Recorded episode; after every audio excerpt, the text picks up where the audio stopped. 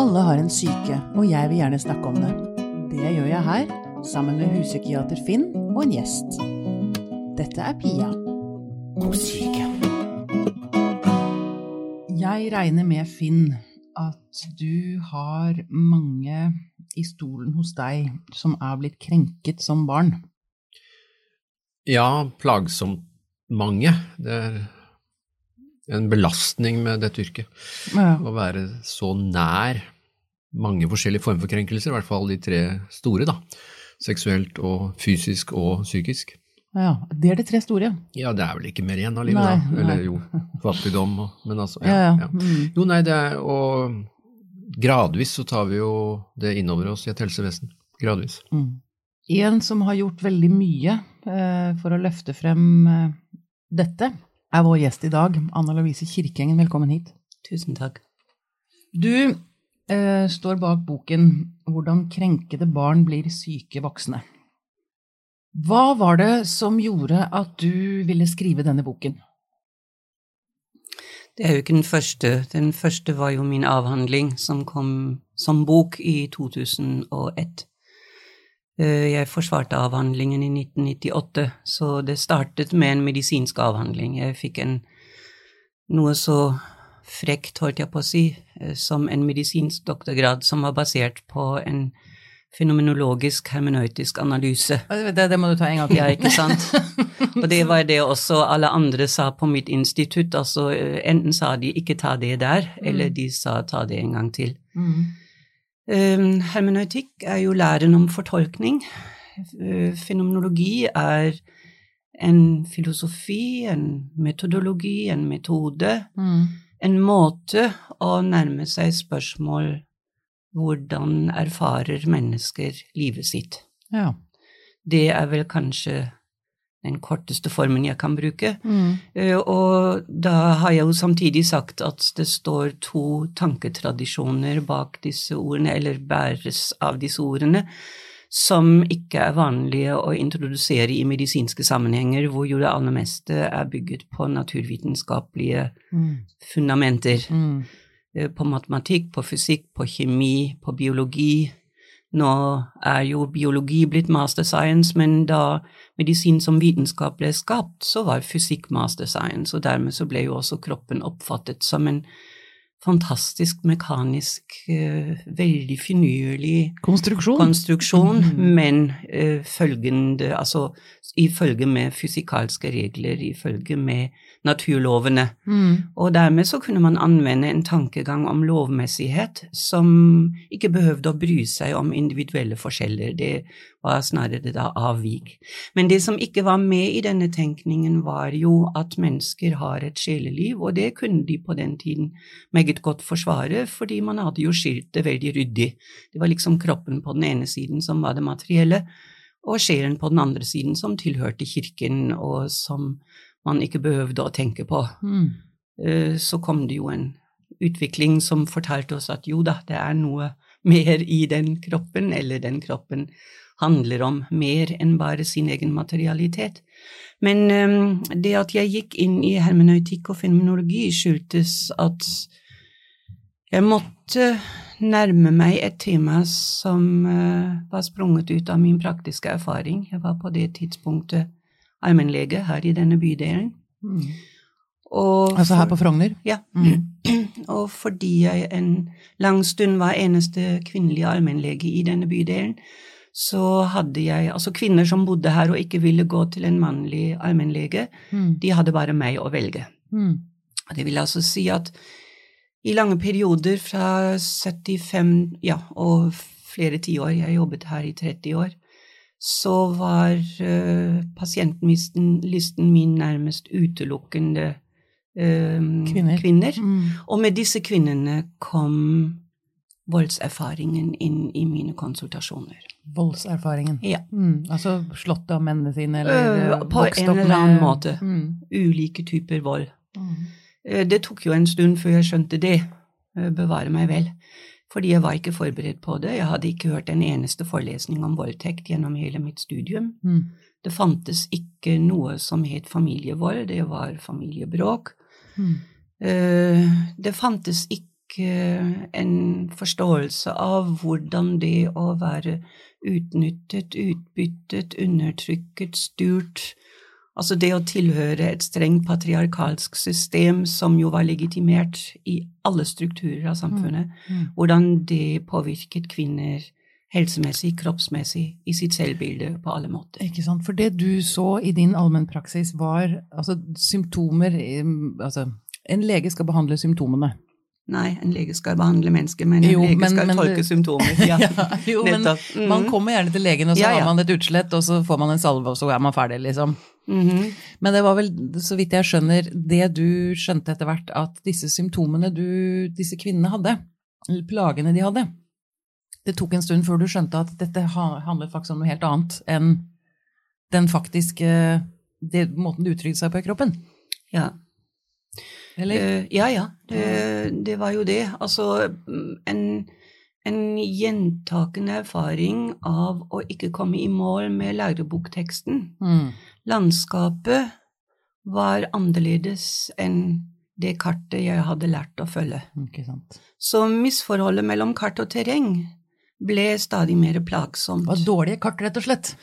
Ja, det visste jeg jo ikke. Nei. Altså, jeg visste bare at kartet var vitenskap, ikke sant, og Mm. ingenting er så hellig som vitenskap, så du Mm. skal jo vite mer enn vitenskapen for å opponere mot den. Mm. Uh, Og i hvert fall må du ikke opponere mot vitenskapen innenfor den samme tankeverden som vitenskapen er skapt i.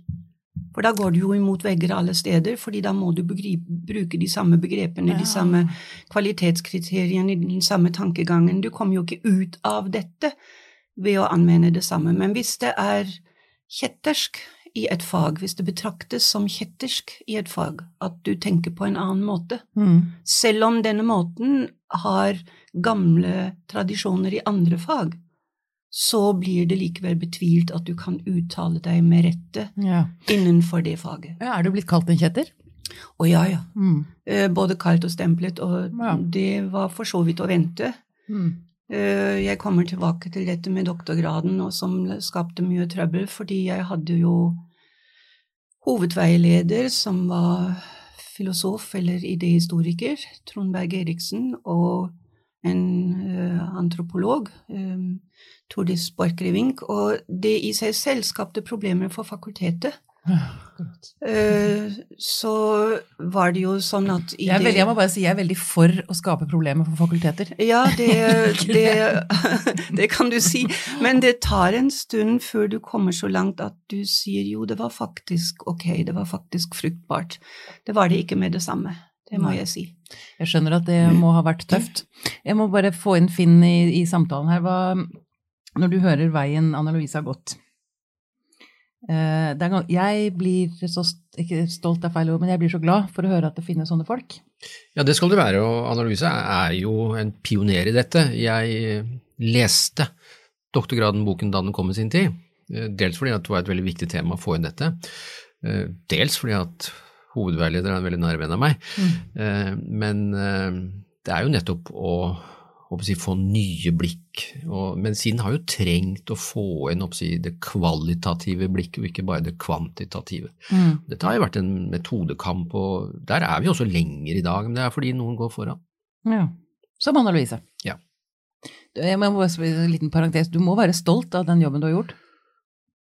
Nei, det er ikke det det handler om. Nei. Det handler snarere om å bli mer utålmodig etter hvert. Ja. Eh, Fordi utålmodigheten handler jo om at det å misforstå hva menneskelig lidelse handler om, går utover de lidende, ikke utover de som misforstår. Mm. Altså faget vårt og representantene i faget vårt står med rak rygg og vitenskapen der, og det er liksom Alt er riktig, men de vi misforstår, de kommer altså ikke ut av sine Lidelser. problemer og Mm. lidelser. Og det førte jo til at eh, da jeg skjønte at ingen av mine kolleger hadde tid til å lese en avhandling hvor 150 sider var bare teori, altså bare filosofiske refleksjoner og metodedrøftinger osv., så, videre, så begynte jeg å samle litteratur som viste at det var noe i det med erfaringer som gjør noe med oss kroppslig. Mm. Og det, det er det jeg har holdt på med i 25 år nå. Mm. Ok, da har jeg lyst til å gå tilbake til barnet. Ja. Hvordan krenk, et krenket barn blir syk som voksen. Um, det er jo et stort spørsmål, det forstår jeg, men uh, hvis du skulle begynne å nøste i det spørsmålet Hva er det som hvor- hvor- Hvis man blir krenket som barn, seksuelt, psykisk eller fysisk? Jeg ville utvide repertoaret. Altså, Finn sa det er de tre viktigste. Jo, det er kanskje de tre viktigste i betydning at det vet vi mest om. Ja. Eh, Jeg tror at eh, vi har ganske tungveiende og solid dokumentasjon nå på at barn som uavlatelig blir verbalt eh, misbrukt, avvist, eh, trakassert Altså barn som helt fra de er bitte små får høre at de ikke skulle ha vært født. Mm. At de er en feil. At de er skyld i mammas ulykke fordi derfor måtte hun gifte seg med denne mannen som hun egentlig ikke ville ha. Mm. Og det er jo en form for, skal vi si, um, påvirkning, for å si det helt nøytralt, som aldri vil resultere i noe du kan på en måte rettsmedisinsk dokumentere. Det er ikke slag, det er ikke sår, det er ikke Mm. Men det går dypere. Det Mm. går rett inn i det som vi kaller eller omskriver med ordet identitet. Og hvis du identifiserer deg med å være feil, helt fra du Før du lærer ordet jeg, Mm. så har du en dårlig start. Og derfra et stort sprang. Altså Martin Teicher, eh, eh, hjerneforsker, eh, Harvard-professor, har sett i de senere år på all dokumentasjon vi har som viser hvordan hjernen blir påvirket av å erfare, altså ikke hjernen erfarer, men mennesket erfarer Mm. noe som um, krenker integriteten. Og når jeg sier integritet, så finnes jo mange aspekter av integriteten. Eh, og det første han dokumenterte, var faktisk at det å ha erfart, eller det å ha, vært, ha oppvokst med å bli verbalt avvist, nedverdiget, degradert, gjort til en ting, Mm. gjort til en gjenstand, bokstavelig talt, for andres forakt, Mm. det laget spor i hjernen som kunne påvises hos den voksne. Ah. Det vil altså si at det området hvor vi hører, hvor vi bygger inn alt det vi lærer via ørene, Mm. med alle de områder som hjelper oss til å lære hva det betyr, det vi hører. Disse områdene bærer preg av å ha vært i en viss forstand overpåvirket. Eh, Men altså, man kan liksom si nå, uten at, at vi skal diskutere noen ganger, viser man områder som har krympet, noen har vokst. Altså, Mm. dette er Mm. mer avhengig av i hvilken alder, i hvilken fase, Ja, ja. I hvilken, på hvilken måte, i hvilke sammenhenger, sannsynligvis. Mm. Eh, Men at det er endringer der som kan knyttes til å ha vært verbalt misbrukt, som Ja. forskerne kaller Det det. setter faktisk fysiske spor, Ja. er det du sier. Og det var det første han viste. I mellomtiden har han jo vist at alle andre former for misbruk og krenkelse også setter fysiske spor. Ja. Og da vi i hjernen, og nå, har vi ennå ikke snakket om alle de sporene i kroppen. Mm. Ja, nå snakker vi ikke om fysiske spor av slag, men eh, hvordan en fysisk kropp reagerer på å bli nedvurdert, eller Ja, det er i første omgang det, ikke sant? Mm, mm, Uten, mm. uten å være fysisk Mm. angrepet. Ja, nettopp. Mm. Um, eh, og det er så mye jeg har lyst til å ta tak i her. Um, men jeg har først lyst til å si, spørre Ok, det setter fysiske spor. Men man kan gjøre noe med det i voksen alder, hvis man får riktig hjelp. Um, ikke sant? Det er mener et fysiske- enda spørsmål, større spørsmål. Kanskje må du spørre Finn først? Ja, jeg skal gjøre det. Det fins et uh, skrekkelig prosjekt som het Barnehjemmene Barnehjemmen i Romania under Ceaucescu. Mm. Eh, det var et vanvittig prosjekt. Uh, Ceaucescu eh, mente at han ville være far til rumenerne, men det var altfor få rumenere. Han ville være far til flere, så det ble pålagt å få fem barn, ergo forbød man eh, abort og prevensjon, og det førte til sosial misere på forskjellige vis. Mm. Eh, mødre satt i fengsel for illegale aborter og osv. 200 000 barn i barnehjem. De var ikke nødvendigvis brutale, de var først og fremst preget av lite kontakt. Mm. Altså, det var ammeroboter, det var få voksne. Det var mye fravær, men det er klart det var også et strengt regime der. Og så blir Ceaucescu henrettet, og så er det 200 000 barn man finner. Mange av disse ble adoptert, særlig til USA og England, og det har blitt et stort si, forskningsprosjekt ut av dette. Og mye repareres. Ehm, I begynnelsen så hadde de fleste av disse barna noe vi i dag hadde kalt ADHD-lignende atferd, og ukritisk klamrende. Mm. Men det vil være sånn for noen av disse. Er er dette 25 år siden eller sånt nå, at de er adoptert til New York, er voksne i New York i dag, lever et i og for seg ok liv, men har forhøyet kortisol, stresshormon, ja. Altså de bærer biologiske spor av at de ble stressa og krenka som barn. Så ja, vi tror De er 25, altså de er 30 Ja, altså, men la oss si at du har fått et varig spor, da. Mm. Altså, som også analysen sier, altså at det setter biologiske spor i en hjerne, i hormonsystemer, mm. og vi er veldig opptatt av at hjernen vår og livene våre er plastiske, vi kan forandre veldig mye. Altså mm. Terapi er jo bl.a. ambisjonen om å forandre folk, mm. Eh, og vi kan få til mye, men det er noen spor som sitter der. Altså, vi må ikke være naive også. Altså, det er, mm. det er, vi har arr, for å si det sånn. da. Ja. Mm. mm. Hva tenker du Anne Louise om det Finn sier? Ja, eh, det er en, en antydning av omfanget av de endringene i kroppen som vi i mellomtiden har fått dokumentert. Dokumentasjonen kommer jo da ikke fra psykologien alene.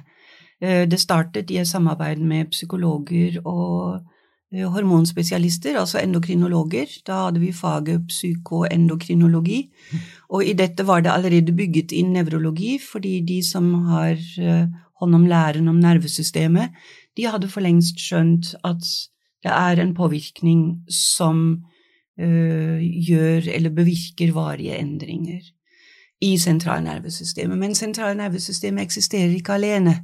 Sånn gradvis så bygget det seg opp et fagfelt som først omfattet fire fag. Psykologi, altså læren om vårt emosjonelle liv. Nevrologi, læren om nervesystemet. Endokrinologi, læren om våre hormoner.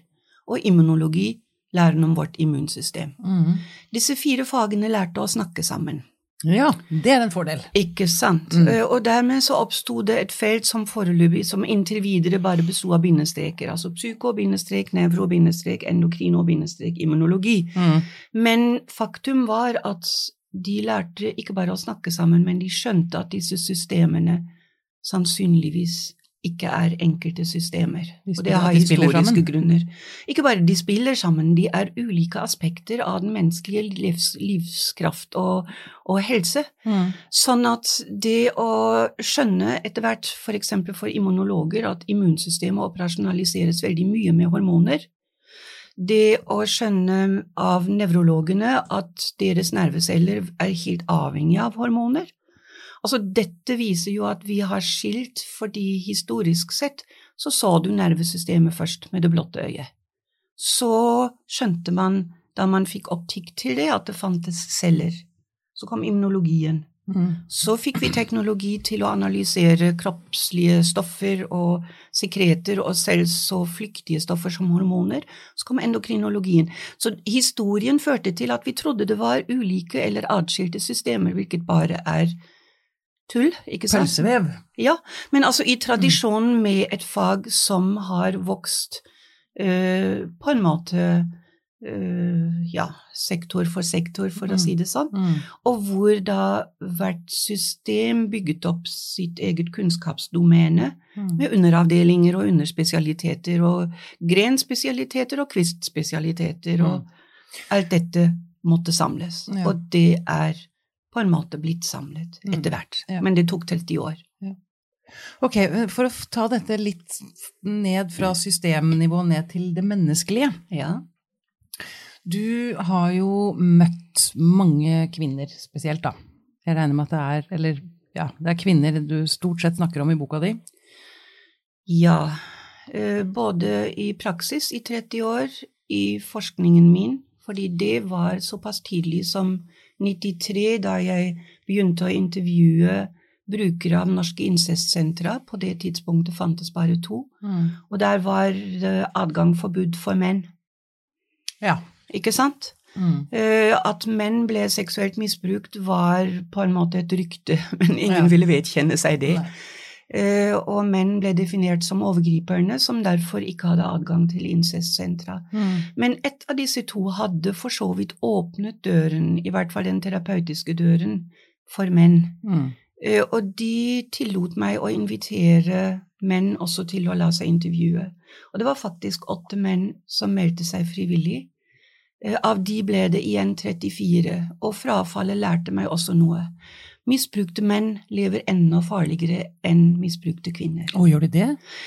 Det er så uforenlig med mannlighet og mannerollen og maskulinitet å være misbrukt. Mm. Altså seksuelt er det verste, Mm. men også på andre måter. mm. Eh, At menn har gjort veldig store anstrengelser for at det ikke skal synes og ikke Mm. skal merkes og Mm. ikke skal bety noe.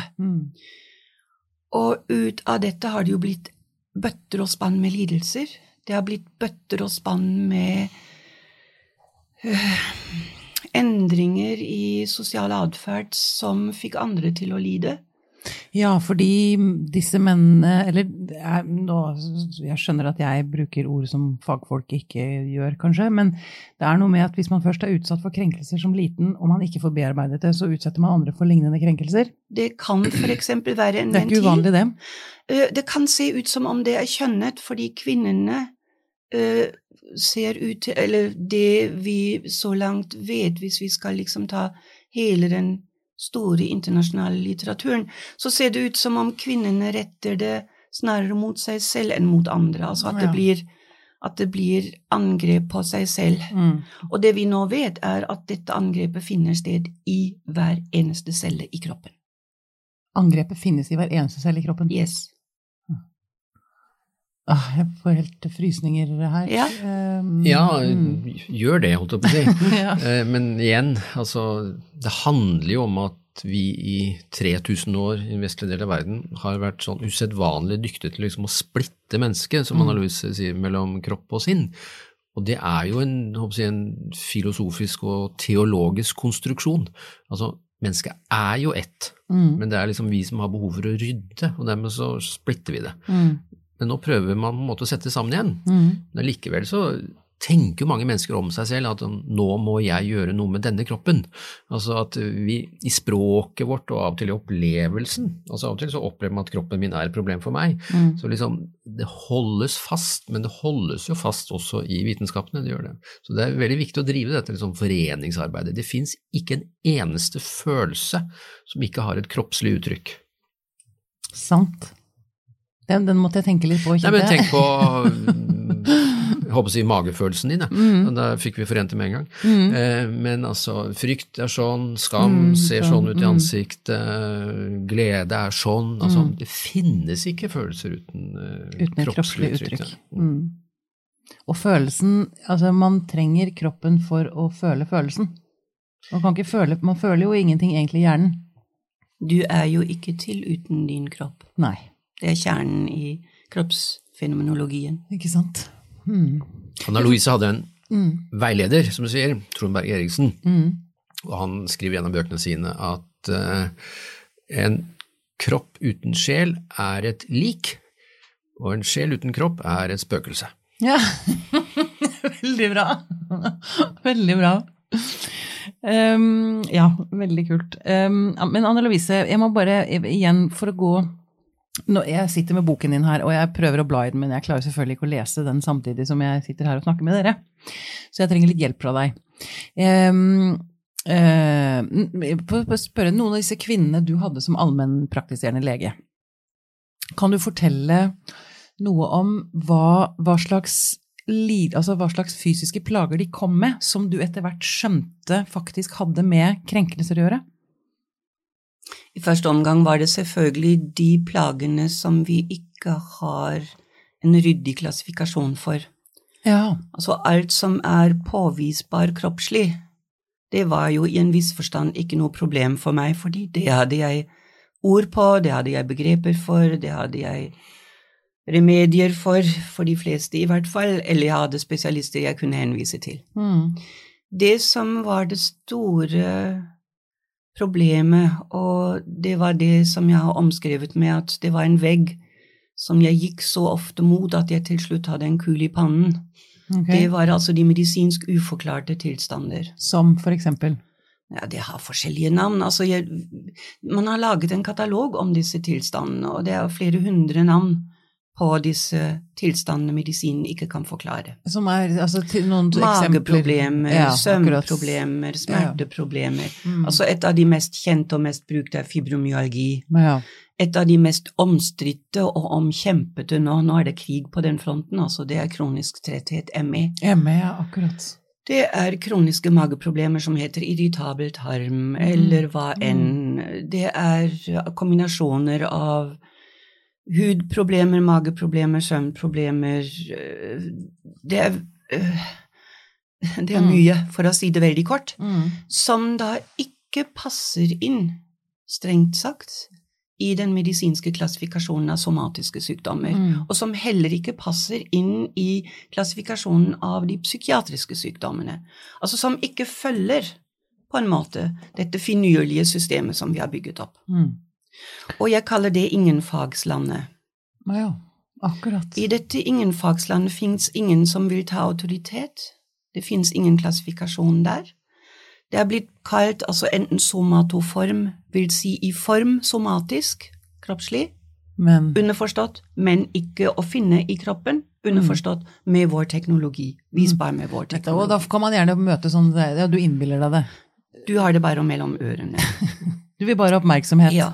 Ja. Eh, Det har også vært en periode eller en tradisjon i faget som aldri helt slo igjennom, og det er jo fordi faget er Eller den, det området er mer eller mindre teoriløst, altså det er psykosomatikk, hvor man har sagt ok, det har psykiske opphav, men det gir seg uttrykk i kroppslige Mm. lidelser, Mm. som da også kan påvises. Mm.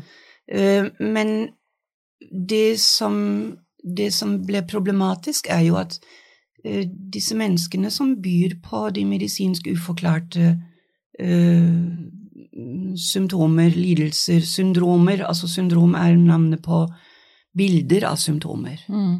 Typiske bilder av plager Mm. som man møter veldig ofte, og særlig i allmennmedisinen. Fordi det er jo der de er, Mm. når du ikke kan sortere dem etter organene. Ikke sant? Ikke sant? Mm.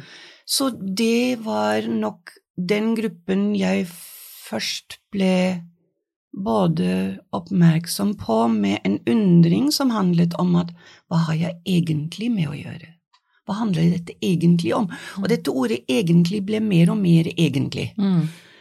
Eh, sånn at det egentlige i de medisinsk uforklarte var jo også paradokset at vi kalte det medisinsk uforklart, men likevel hevdet at det var vår arena, det var vår oppgave, det var vår råderett. Vi hadde autoritet der, og vi lo jo, altså eh, blant kolleger bak hånden, eh, eller mer eller mindre offisielt, av pasienter som henvendte seg, henvendte seg til alternative behandlere, Ja. fordi de jo skjønte at vi egentlig ikke skjønte hva dette handlet om. ja, akkurat. Så du tenker det er rett og slett sånn alternativmedisin har vokst frem, at ikke Eller i hvert fall blitt så omfangsrik. Ja, ja. Eh, Vokst frem, det Mm. er vel eh, litt stort å si, fordi jeg mener behandlinger som ikke er medisinsk basert, uh, finnes jo i mange, mange land Mm. fortsatt, og som har eksistert i hundrevis av år, og Mm. som inngår i en kultur som eksempel badestedene, kurstedene i, på kontinentet, som jo var sosietetssteder og Mm. steder for de store konsertene om sommeren, Mm. når konserthusene var stengt. Ja. Men for jeg lurer på, jeg har et sånt inntrykk av at um, eh, hvis man sier, eller jeg kan si til mennesker som sier at jeg får ikke puste og jeg må gå til hjerteundersøkelse, så sier jeg men kanskje du skal begynne i terapi? Kanskje det kan være psykisk, liksom. Nei, nei, nei, nei. Dette er fysisk. Helt sikkert fysisk. Det er en, fortsatt, kanskje spesielt hos menn, en sånn derre Nei, det er ikke noe gærent med psyken min, for det er så Det er akkurat som det er litt sånn eh, Ja, nedover, Nei, det er ikke noe gærent med psyken min. Nei da, det er, dette er kroppslig. Men analyser beskriver jo veldig vakkert, synes jeg, at det er et stort område her som vi, liksom, vi får ikke plassert i den ene eller andre kurven. Mm. Eh, og det i seg selv handler kanskje om vitenskap, det handler om språk, eh, men det handler om det språk vi har om oss selv. Altså, man har ikke et språk for det psykiske på den måten, og det er noen kulturelle standarder her osv. Eh, samtidig så driver vi og leter da, i dette landet her. altså Når jeg har vært lege, så kalte vi det av og til de, de lider av diffusitas. Det er noe veldig diffust her. Eh, men det er noen dansker som har laget et eget institutt, altså, og et ord man har laget, da, det er funksjonelle lidelser. Uh, som om det har en funksjon, men ingen aner hva funksjonen er. Uh, altså Man lager ord for å liksom, sette navn på dette. Men der er det også, begynner de å liksom, prøve å lage vitenskap. Da er det liksom sånn at det er et grunnleggende dilemma her, og så kan du slå seg ned i forskjellige organsystemer. Altså blir det tretthet, eller blir det muskelsmerter, eller blir det en irritabel tarm, eller, mm, mm. eller, er det spesifikt for hver lidelse? Så liksom, man jobber i det, men man har et desperat behov for liksom, å få satt det på begrep. Altså, for man tåler dårlig at det liksom er mange ting samtidig. At det flyter? Ja. ja. ja. Mm. Hva, hva og her oppstår det konflikter, ikke sant? Altså fordi at pasienter føler seg fort misforstått og ja. føler seg av og til snakka ned til, og av og til så er de snakka ned til. ikke sant? Ja. ja. Og så er det noe med at legevitenskap, eller allmennlegen, kommer jo ofte til kort òg. Altså, det blir jo sånn men vi finner ikke noe. Nei, ha det. Altså, jeg har jo hørt om folk som har opplevd det. Ja, selvsagt. Og det å ikke finne noe, det er jo alltid knyttet til at teknologien ikke finner noe. Mm. Man ville helt opplagt kunne finne noe hvis man utvidet horisonten. Med et utvidet blikk på mennesket og hva dette mennesket har erfart. Altså ikke styrt av spørsmålet hva er det som er feil med deg, altså hva feiler deg, men snarere hva har hendt deg. Hva har skjedd med deg? Mm. Uh, og når, når det er spørsmålet, så vil jo nødvendigvis tilfang av informasjon også bli videre. Eh, og så kan man si, som tradisjonen har sagt, at det er informasjon som er irrelevant medisinsk sett, den har ingen betydning.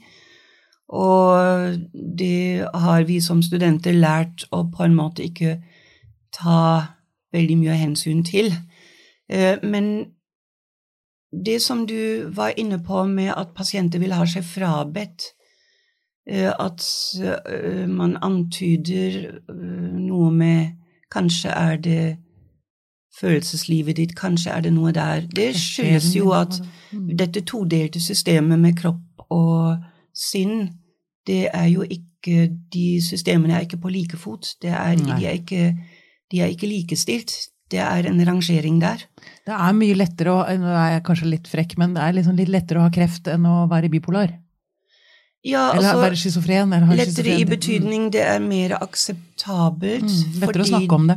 Ja, både det, men også lettere å forholde seg selv til, fordi det ikke er implisitt en degradering i, i dette. Ja, fordi man blir degradert ja. litt som eh, individ. Ja. Altså det er noe gærent med sjelen min, liksom. Ja. Mm. Og så kommer jo i tillegg at uh, hvis, hvis, vi tenker at våre pasienter Og det ble jo også etter hvert et problem for meg å ikke ha et språk å formidle, at jeg tenkte kanskje på en litt annen måte om dette. Altså, medisinen har ropt i skogen biologi, biologi, biologi i generasjoner. Mm. Og hva kommer tilbake? Biologi, biologi, biologi. Altså, ikke sant, vi, vi lever i en kultur hvor mennesket har lært til å forstå kroppen ved hjelp av biologi, mm. og det emosjonelle livet ved hjelp av Freud, og måtte han snart være virkelig død. Såpass? Men, men, poenget Ja, nei, det var litt flåsete sagt. Men ja, til å poenget er at, mm. at eh, det at pasientene våre ikke vil ha en mistanke om at følelseslivet utløser kroppslige reaksjoner. Mm. skyldes jo nettopp denne rangeringen i faglige sammenhenger Nei, som hele den vestlige verden er preget av. Mm. Og da kan man jo si hva er det som er feil ved vår kultur, hvor folk vil ha seg frabedt og bli mistenkt for å ha et sjeleliv.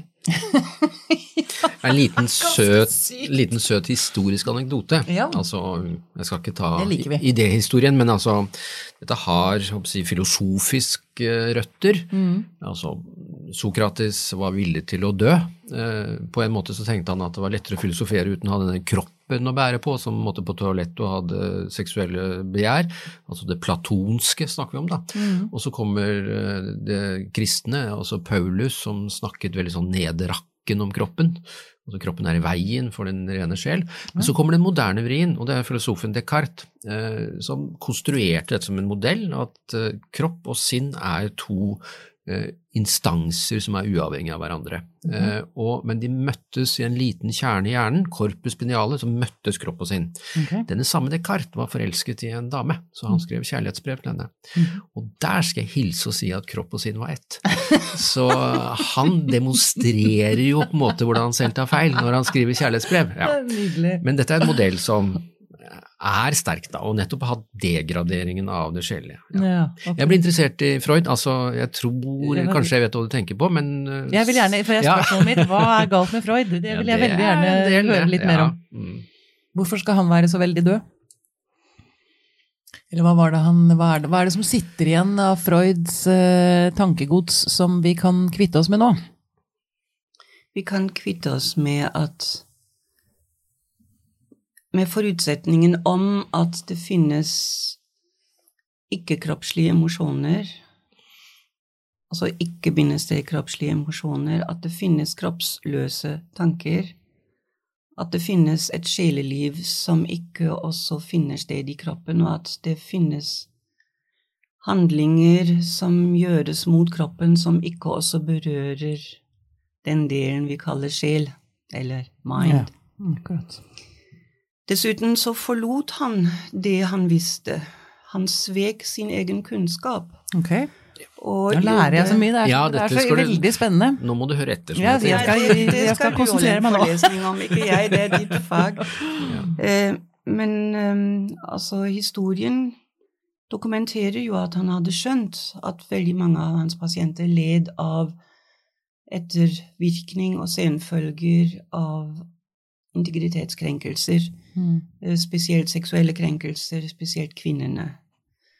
Eh, Det var ikke opportunt på den tiden å si det og å skrive det og å hevde det. Fordi Man gjorde ikke karriere. Nei, akkurat. Mm.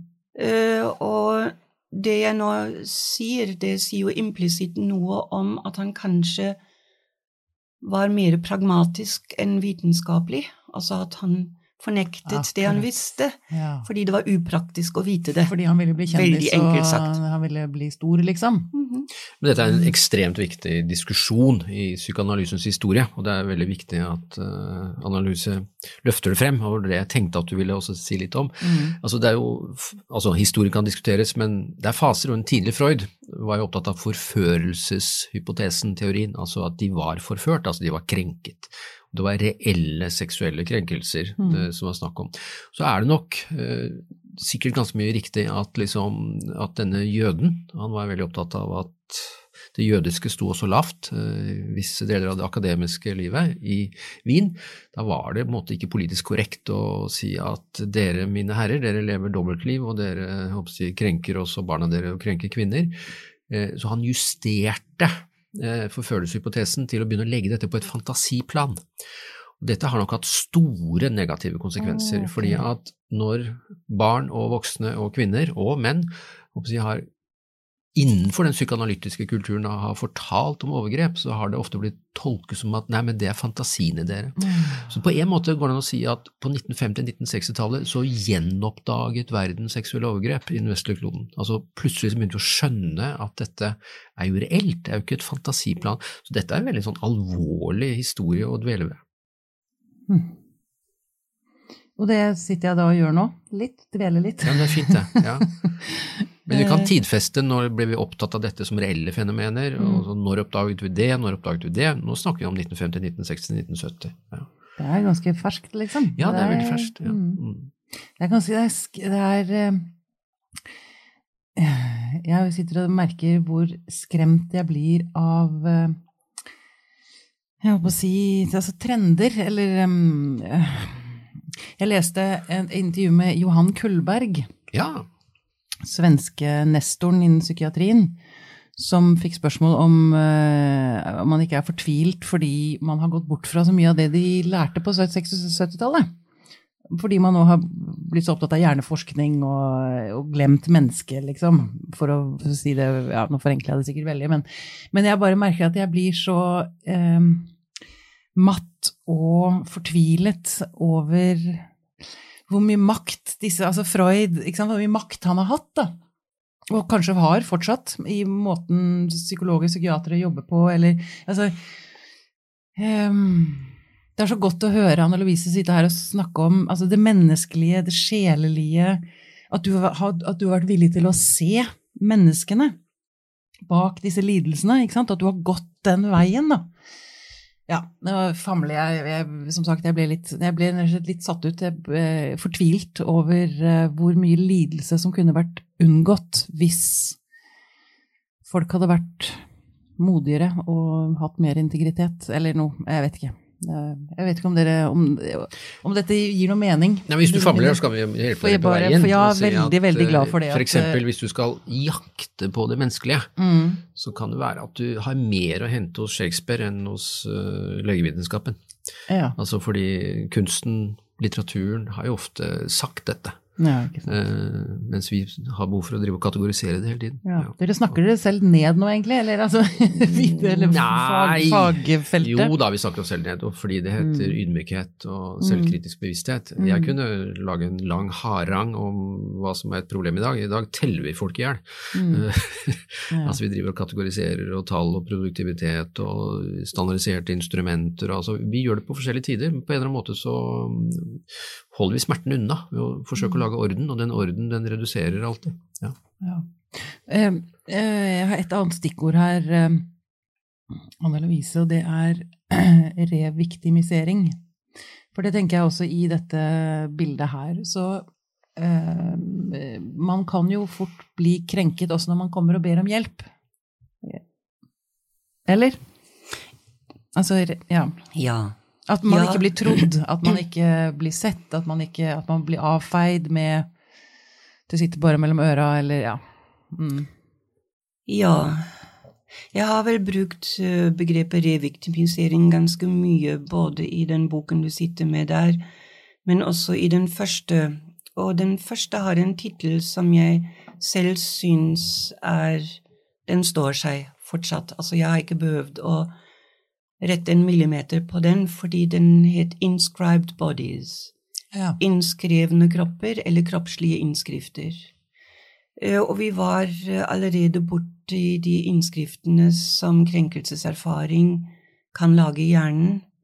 Eh, Vi har så vidt touchet på de innskrifter som krenkelseserfaring lager i vår fysiologi, i kroppens livs- og vitalitetsopprettholdende systemer. Eh, Og det vi har lært, er jo at krenkelseserfaring forstyrrer alle disse systemene. Eh, Det vil altså si at det vi erfarer, kan treffe oss så dypt at det som vi i utgangspunktet har, nemlig en levedyktig eh, og, og robust biologisk Et levedyktig og robust biologisk utstyr, det forstyrres til de grader at vi utvikler sykdom. Mm. Og da sykdom også i tradisjonell medisinsk forstand, altså hjerte-karsykdommer, diabetes, kroniske lungesykdommer. Men kroppslige innskrifter, eller inscribed bodies, har en dobbeltbetydning som er litt problematisk i, eh, på norsk. Eh, fordi jeg mener også å ha forstått at kroppen innskrives i kulturen, eller kropper er innskrevet i kulturen. Altså hva kroppene betyr, hva de tynne kroppene betyr. Nå er det et problem med de feite kroppene. Mm. Hvor mye skam som er knyttet til bestemte måter å se ut og være på. Eh, sånn at vi kommer aldri fra at vi også internaliserer andres blikk på oss, Mm. Og at vi internaliserer et verdisystem som vi er sosialisert inn i. Eh, La meg si det sånn, altså skam, Finn har allerede nevnt skam, som jo er en enormt sentral emosjon. Skam finnes i alle kulturer, men hva som er knyttet til skam, og hva som må gjøres for å bli kvitt skammen, eller for å gjøre opp for skammen, det er veldig kulturbetinget, og det lærer du der du vokser opp, ikke sant? Du Mm. vet det på en måte. Så alle disse tingene er tingene, fenomenene, er med på å modifisere min måte å reagere på ting du sier til meg, gjør med meg, eller omgivelsen sier til meg eller gjør med meg. Så hvis vi tar innskrevne kropper som utgangspunkt, så er det også slik at vi er skrevet inn i et verdisystem, Mm. Og at dette verdisystemet er et speil eller er essensen av vår kultur. Sånn at når Finn sier litteraturen og den store kunsten har alltid visst noe om det som eh, de naturvitenskapsbaserte fagene eh, prøver å presse inn i et ordenssystem, og da må det nødvendigvis falle veldig, veldig mye ut. Mm. Så må vi spørre oss eh, det som faller ut, betyr det noe? Hvis det ikke betyr noe, så gjør det jo ikke noe. Men hvis det betyr noe, er neste spørsmål eh, for hvem betyr det noe? Mm. Og min påstand er jo fortsatt at det betyr mest for de som vi egentlig har som oppgave å hjelpe, Mm. trøste, Mm. eh, lindre. Sånn at hvis faget har makt, du var inne på dette, jeg tror ikke Freud ville ha sagt at han hadde makt. Tvert om. Mm. Ehm, som, som person tror jeg aldri han ville ha tilskrevet seg makt. Men at ideer kan bli maktfulle, Mm. ja. Mm. Og at verdisystemer kan bli maktfulle, ja. Og da må vi tenke over hvilke verdier og idésystemer vi ønsker å ø, adoptere fra den kulturen vi er en del av, tilhøre, viderebære, forsvare. Så der er utfordringen igjen til den enkelte fagpersonen, og der kan man selvfølgelig velge side. Eh, sånn at jeg tenker hvis fagene som vi kjenner dem i dag, eh, er tro til det alle sier at de er opptatt av, nemlig sann kunnskap, så er den sanne kunnskapen nå at ingenting du erfarer, ikke berører din kropp. Mm. Og derved så har altså skillet mellom kropp og sjel falt. Borte er det. Borte er det. det. Mm. Bare ikke i den kliniske praksis, i den vitenskapsskapte viten, eh, virkeligheten. Altså, behandlingsfagene ser foreløpig ut til å være helt uberørt av å vite at dette skillet faktisk har falt.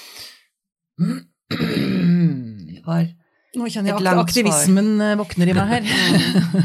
Nei, men jeg driver i min alder, for å si det sånn. Nå liksom vakler skal jeg være pessimist og optimist, og velger i og for seg begge. Mm. Jeg har akkurat lest en bok av en svensk filosof som heter noe sånt som Det ometbaras renessans, altså Mm. renessansen til det som ikke lar seg måle.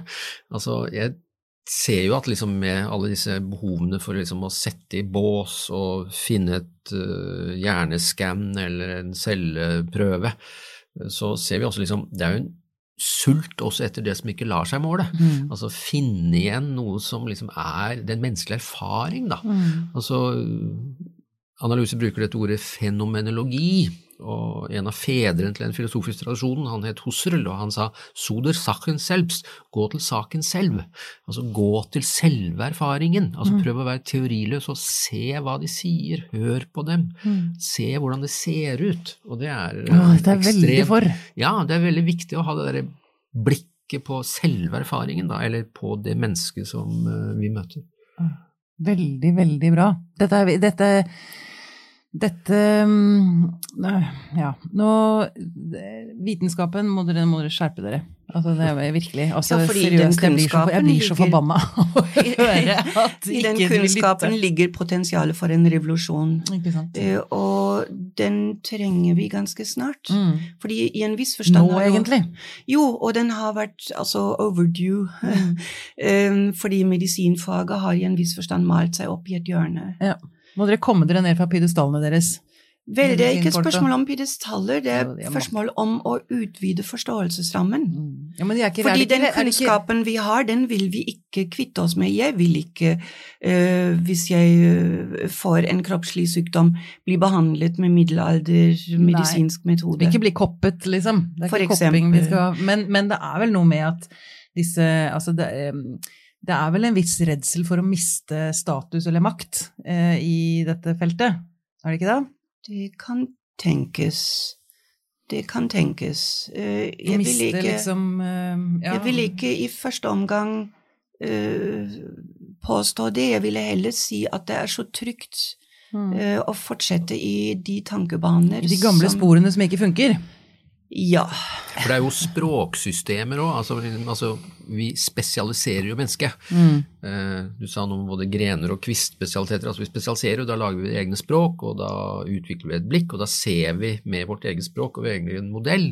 Det er nettopp det å gå på tvers av modeller. Mm. Altså gamle, gamle jeg håper å si, ide om renessansemennesket som går på tvers av ting. Altså. Mm. Det er en artikkelserie i en dansk avis som heter Informasjon nå, som skal kjøre masse artikler om nytten av å anvende f.eks. kunst og kulturelle erfaringer i terapi av depresjon og stress. Altså Da begynner man å, begynne å se og for sikkerhets skyld så har de vitenskapelig belegg for at det virker. Ja. For da snakker man også vitenskapens språk. Ja. Veldig bra. Mm. Du, altså, vi kunne jo snakket i tre, fire, seks timer til om dette, kjenner jeg. Eh, vi er allerede på over 50 minutter. Så vi må avslutte. Anna Louise, er det noe sånn Har du et, en setning, har du noe bevingede ord du har lyst til å avslutte med? Eller, eh, eller er det noe du føler at du har brent veldig inne med? Som du har lyst til å Nei, jeg er ikke spesialist på bevingede ord. ok! Si ikke det. Men, men jeg tror at hvis jeg skulle kondensere alt det vi vet nå fra alle de fagområdene som inngår i dette kunnskapsfeltet som jeg har fulgt i 30 år, og vel så det, så er det at hvis det er en ubalanse mellom det som nærer og det som tærer, så blir det sykdom. Jeg tror så enkelt går det å si, fordi jeg tror vi vet alle hva som nærer oss, og hva som tærer på oss. Jeg vil si at det var bevinget. Så tusen takk. tusen for takk for, at du kom til oss, Anne Louise Kirkeengen. Jeg takker.